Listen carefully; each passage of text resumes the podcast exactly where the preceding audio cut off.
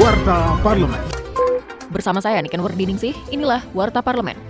Ketua Badan Kerjasama Antar Parlemen DPR RI, Fadlizon, mendukung penuh rencana pembentukan Forum Parlemen empat negara ASEAN yang tergabung dalam Forum Subregional Brunei Darussalam, Indonesia, Malaysia, Filipina, East ASEAN Growth Area. Fadli mengatakan, forum ini didirikan sebagai sebuah strategi bersama untuk mempercepat pembangunan sosial ekonomi di daerah yang kurang berkembang dan terpencil secara geografis. Forum parlemen ini direncanakan untuk mengadakan pertemuan pertama tahun 2024 di Filipina.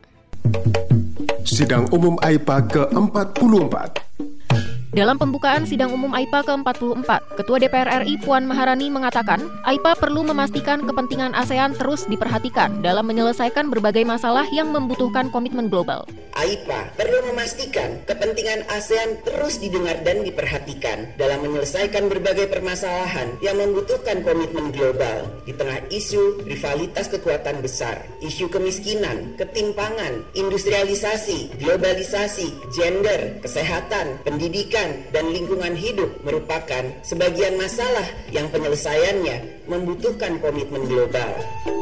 Informasi selengkapnya kunjungi laman dpr.go.id.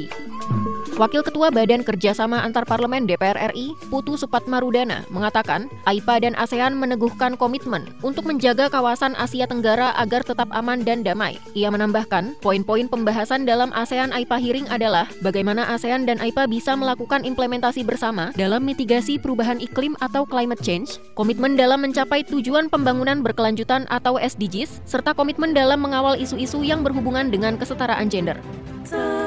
Televisi Radio Parlemen.